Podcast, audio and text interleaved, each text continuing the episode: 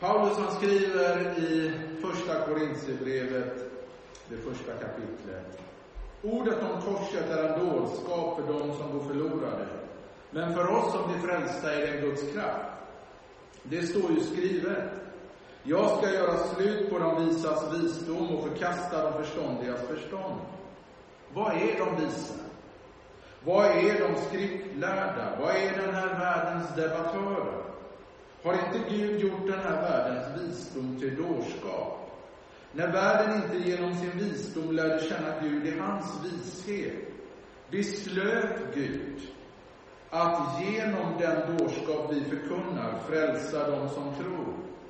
Judarna begär tecken och grekerna söker vishet, men vi predikar Kristus som korsfäst. För judarna en stötesten och för hedningarna en dårskap, men för de kallade, både judar och greker, predikar vi Kristus som Guds kraft och Guds vishet. Guds dårskap är visare än människor och Guds dårskap är visare än människor och Guds svaghet är starkare än människor. Alla religioner har sina symboler. Buddhismen har en lotusblomma. Islam har en halvmåne och judendomen har Davids stjärna. För oss kristna skulle det dröja över hundra år innan korset blev vår symbol. Men varför just ett kors? Är inte korset ett märklig, en märklig symbol? Varför inte en brödlimpa? Eller ett vattenkrus? Eller en bokrulle? Vem vill egentligen gå omkring med ett fruktansvärt avrättningsredskap runt halsen? Hela poängen med det romerska korset var att göra döden så utdragen och plågsam som möjligt. Det romerska korset är inte alls så slätt som korset här bakom mig, utan det var grovhugget och flisigt. Korset ansågs på Bibelns tid vara så vidrigt att det aldrig fick föras på tal på finare fester. Men vi kristna talar gärna om korset. För oss är det inte ofint att tala om det. För oss är korset en frälsningssymbol. Det var därför som Paulus gärna predikade om Kristus och Jesus som korsfäst. Oavsett om man var i Thessaloniki eller om man var i Rom, Aten, så var budskapet detsamma. Jesus Kristus och honom som korsfäst. Aldrig avvek han ifrån detta viktiga ämne, vilket inte betyder att det var enkelt. Överallt där Jesus predikade om Jesus och honom som korsfäst blev han förföljd, stenad och slagen. Förutom i Aten, där de nöjde sig med att hånskratta honom rätt upp i ansiktet när han talade om uppståndelse från de döda. Det är inte omöjligt att Paulus på vägen till Korint han tänka tanken, ska jag fortsätta att predika om Kristus som korsfäst? Eller ska jag byta ut budskapet mot något mer lättsmält? Men vet du, jag är glad att Paulus fortsatte att predika om korset så att Jesus också fick bli min frälsare och vän. Och idag tänkte jag predika om vad korset betyder för dig, för staden, för världen. Min första punkt är att världen förolämpas av korset. Paulus han skriver, som vi läste i texten, men vi predikar Kristus som korsfäst, för judarna en stötesten och för hedningarna en dårskap. Trots att Jesus upprepade gånger sa att han måste lida och dö, så hade judarna svårt att föreställa sig en korsfäst kung. De väntade sig en stark och mäktig kung som skulle underkuva alla deras fiender för att därefter bli kung över hela jorden. För dem förknippades korset med svaghet och var knappast förenligt med kungligheter. Det är svårt för oss svenskar att förstå vad korset faktiskt betydde och stod för, för dåtidens judar. För oss har det ju kommit att bli någonting helt annat än vad det var från början. Kanske ett smycke runt halsen. Vi på vår kyrka, skulle jag tro, i alla fall i vårt fönster här, har ett kors insprängt eller ovanpå. Och om inte annat så finns det många kyrkor som har valt att just placera ett kors uppe på kyrktaket. Att göra något sådant, att bära det runt halsen eller att sätta det på taket av kyrkan, skulle vara fullständigt otänkbart för en jude. En modern motsvarighet skulle ju vara att gå omkring med en miniatyr av en gaskammare runt halsen. Eller en galge med en snara runt någons hals. Eller någon med plågat ansikte i en elektrisk stol där rök går upp ifrån huvudet. Alltså, du förstår själv, blotta tanken gör oss illa till mod. Precis så chockerande var korset för judarna. Man talade liksom inte om det på dåtidens fina fester. För hedningarna däremot, sådana som du och jag, var frågan en helt annan. Att en människa frivilligt lät sig spikas fast på ett kors för att rädda världen var ingenting annat än rena dumheter. Efter 2000 år så har världen inte ändrat åsikt. Fråga bara de som blir förföljda för sin kristna tro. Blotta tanken på en korsfäst Gud får somliga att hånskratta. Andra går så långt som att döda. Paulus han säger för det andra att världen är dömd genom korset. Ordet om korset är en dårskap för dem som går förlorade, men för oss som blir frälsta är det en Guds kraft. Det kristna budskapet om Jesus som korsfäst träffar den mänskliga stoltheten mitt i prick.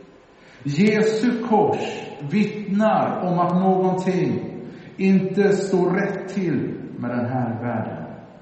För vad är det egentligen för en värld som korsfäster den godaste människa som någonsin vandrat, kommer att vandra på den här jorden. Ändå valde Jesus att av egen fri vilja dö i ditt och mitt ställe för att var och en som tror på honom inte ska gå under utan ha evigt liv. Jesu kors står där som ett vittne om att någonting inte står rätt till med den här världen. Och jag tror att om vi granskar den här världen noga så tror jag vi faktiskt kan hålla med någonstans innerst inne. Men Bibeln säger också att det är vi människor som bär skulden för det. Men Jesus valde att dö i ditt och mitt ställe eftersom vi människor inte kunde åtgärda felet själva. Bara Gud kan. Inte ens hjälper dina godaste handlingar dig. Bibeln säger att alla våra rättfärdiga, goda gärningar är som en fläckad dräkt. Det spelar ingen roll om du har en sån där dag när du fick till det. Det hjälper liksom inte. Tänk dig att du tog dina finaste kläder, de jag har på mig till exempel, och så tog du dem och drog dem efter dig i en lerig åker. Väl hemma så lägger du dina finaste kläder, jag och mina, på hallgolvet och ber alla som kommer in genom dörren att torka av sig sina kläder, eller sina skor på dem. Därefter så tar du upp dina finaste kläder och går in till köket och torkar upp mjölken som du spillde samma morgon. För att sedan gå ut med dina finaste kläder och plocka upp hundskiten som någon glömt ta upp ute på gatan. Och så på kvällen sätter du på dig kläderna, kör hela vägen till Sveriges finaste restaurang Franzén i Stockholm, som i alla fall för ett år sedan fick tre stjärnor i Guy Michelin. Vad tror du dörrvakten säger när du kommer fram till dörren? Han säger stopp. Här kommer du inte in. Och så säger du, men jag har ju bokat bord. Det spelar ingen roll. Du är inte klädd på ett värdigt sätt att få komma in på den här restaurangen, säger dörrvakten. Likadant tänker Gud om oss. Ingen rättfärdig finns, inte en enda, skriver Paulus. Likaså skriver han, alla har syndat och saknar härligheten från Gud. Jesu kors är likt dörrvakten som säger, om du vill komma in, då måste du komma in på Guds vis. Annars är det ingen idé att komma in alls. Den tredje punkten. Världen blir frälst genom korset.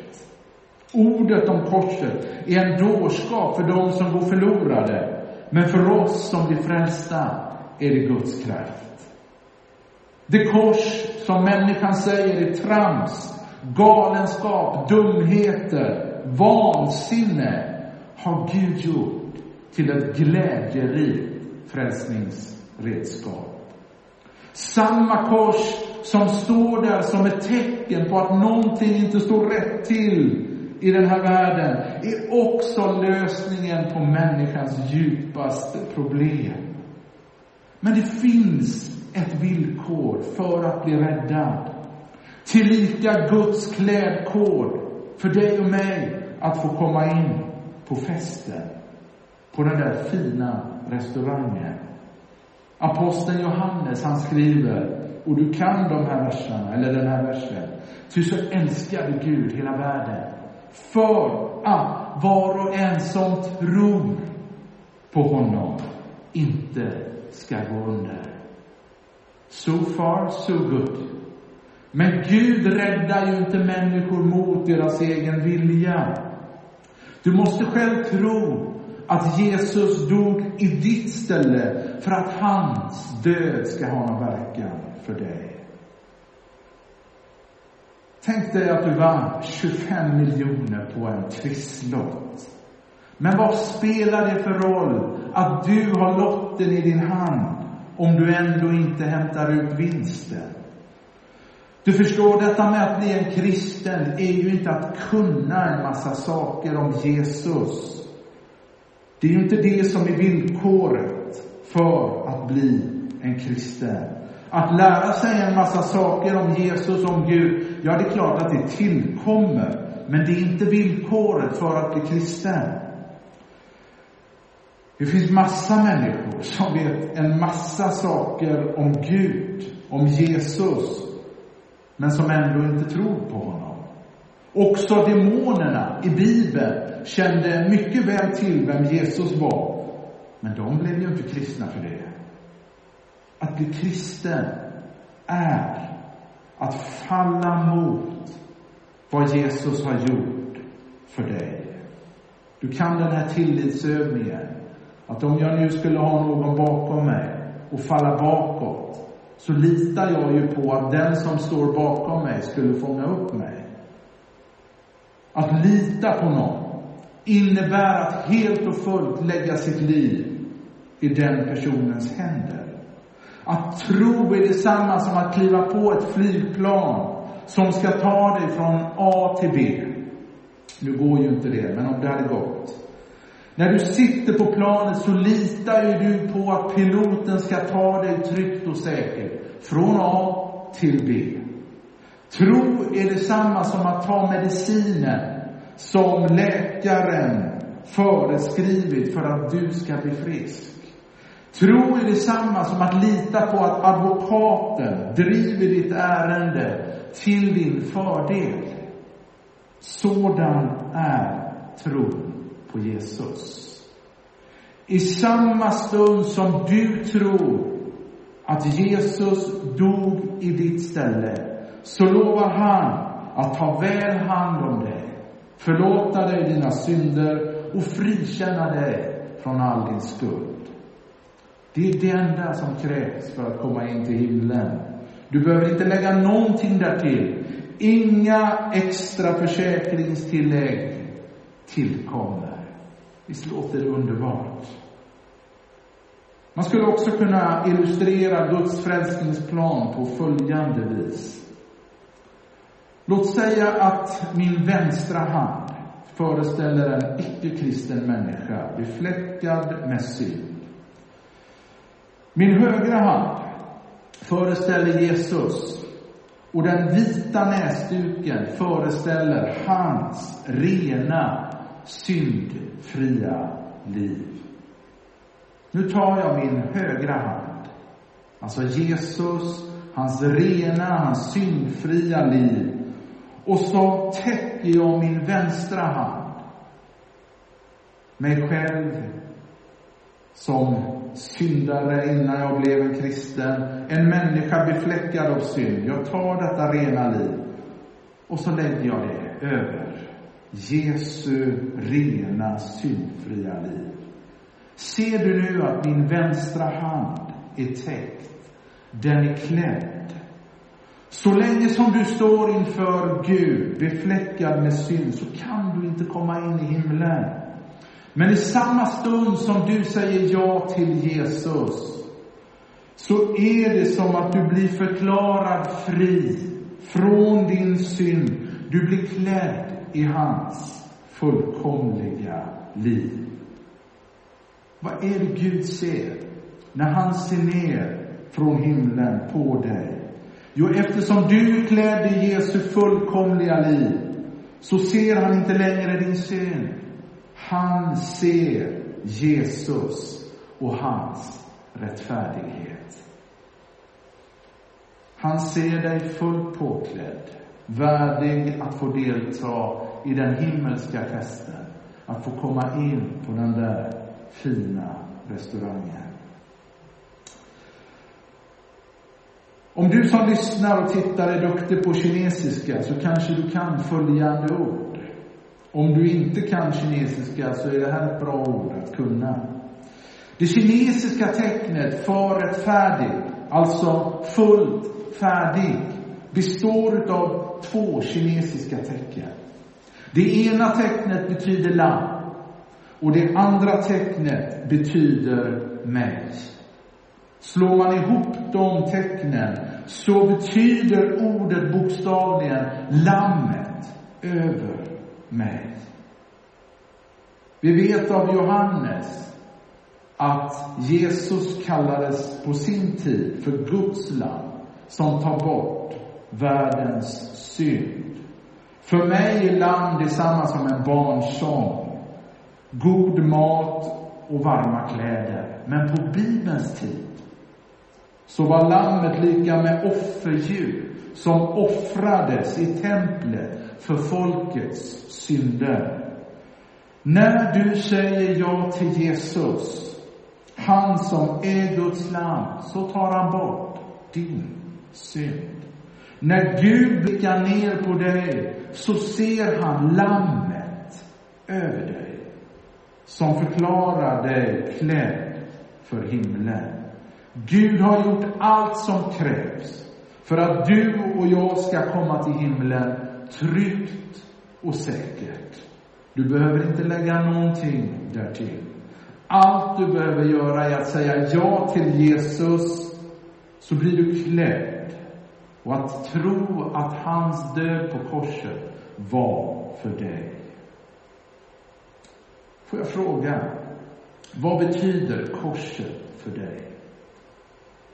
Är det bara en tom religiös symbol?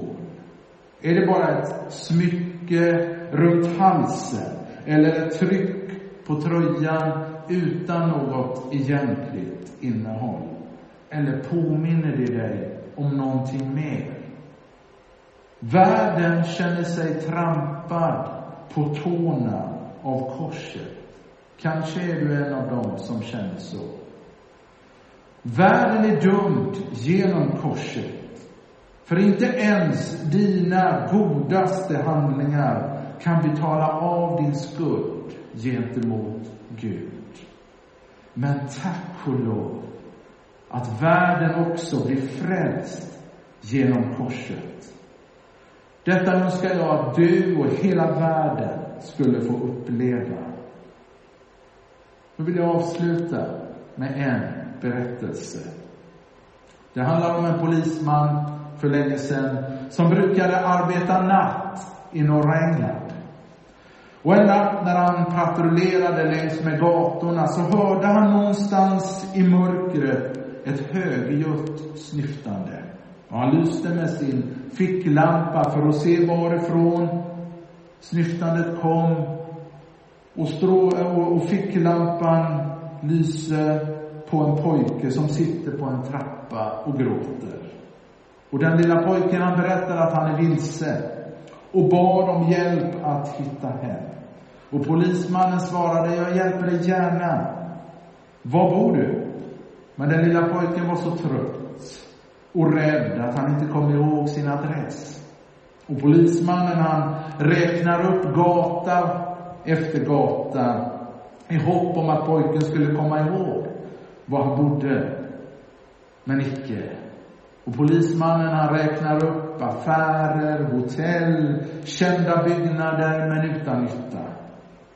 Men så kom polismannen på att i stadens centrum fanns en kyrka med ett högt vitt kors ovanpå taket som syntes över stadens hus. Och polismannen pekar på korset och frågar, bor du i närheten av den platsen? Och den lilla pojkens ansikte skiner upp som en sol och svarar, ja det gör jag. Ta mig till korset så hittar jag vägen hem. Detta är vårt uppdrag som församling. Att hjälpa människor fram till korset så att de hittar hem till Gud. När världen nu ruskas om, känner oro och otrygghet, så vill vi som kyrka peka på det tomma korset, på vilket Jesus har besegrat döden. Liksom Paulus är vårt budskap till människor omkring oss Jesus Kristus och honom som korsfäst.